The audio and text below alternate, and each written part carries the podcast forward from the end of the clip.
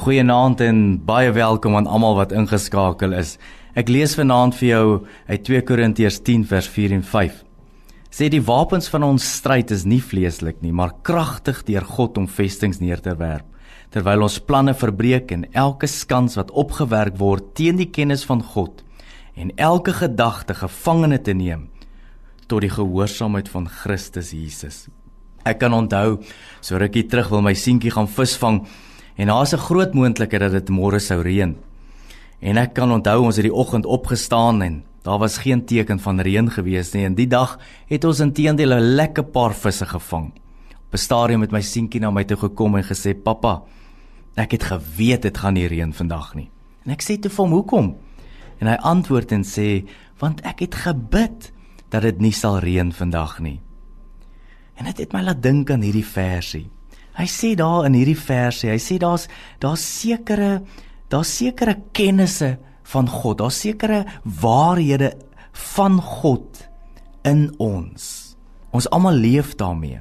Jy sien vir my seentjie was dit gewees dat vir hom het hierdie waarheid geword. God antwoord die kleinste gebede. God gee om. En sy werklikheid was gewees, God wil hê dat 'n mens die dag moet geniet Daar's 'n soort kennis oor God in my seentjie se kop gevorm. En jy sien wat hierdie skriffie sê, hy sê dan kom die duiwel en hy probeer hierdie planne, hy probeer hierdie vestings te bou. Hy probeer hierdie negativiteit te lok wat hierdie kennis oor God in ons binneste te probeer verwaarloos. Die duiwel kom en hy sê nee man, God gee nie regtig om nie.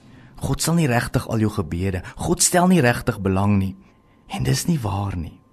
Hy sê vat elke gedagte. Daar kom soveel gedagtes elke dag na ons toe. Jy sien 'n gedagte gevangene neem is soos om 'n 'n spioen wat gevang is in die veld. Wat doen jy met so 'n spioen? Jy vat hom gevangene en dan vra jy hom, "Waar kom jy vandaan? Wat wil jy hê?" Jy sien baie keer is dit wat ons moet doen met ons eie gedagtes kom haar gedagte in die diepe nag deur of terwyl jy in die kar ry. Ons as Christene behoort elke gedagte gevangene te neem. Sê hy, hierdie gedagte wat nou by my opkom, is dit 'n gedagte van God? Is dit 'n gedagte van die duiwel? Wat maak ek met hierdie gedagte? Jy sien, as dit 'n gedagte is van God, sal jy dit weet, dis vrede, daar's planne, daar's wysheid. Maar as dit 'n gedagtes van die duiwel sal dit 'n mens altyd neerslagtig en depressief laat voel. En dan moet jy daai gedagte vat en sê: "Wie is jy? Waar kom jy vandaan?" Uit die put van die hel. En jy kan dit verwerp en sê: "Ek sal dit nie glo nie." Vanaand dink ek dis 'n geleentheid vir jou om te besef weer: vat elke gedagte, neem dit tot gevangenis, besluit daaroor en maak seker die duiwel intimideer nie 'n mens se gedagte nie. Mag jy vanaand besef God praat ook in jou gedagtes. Mag dit God wees wat met jou praat. Ek bid dit jou toe.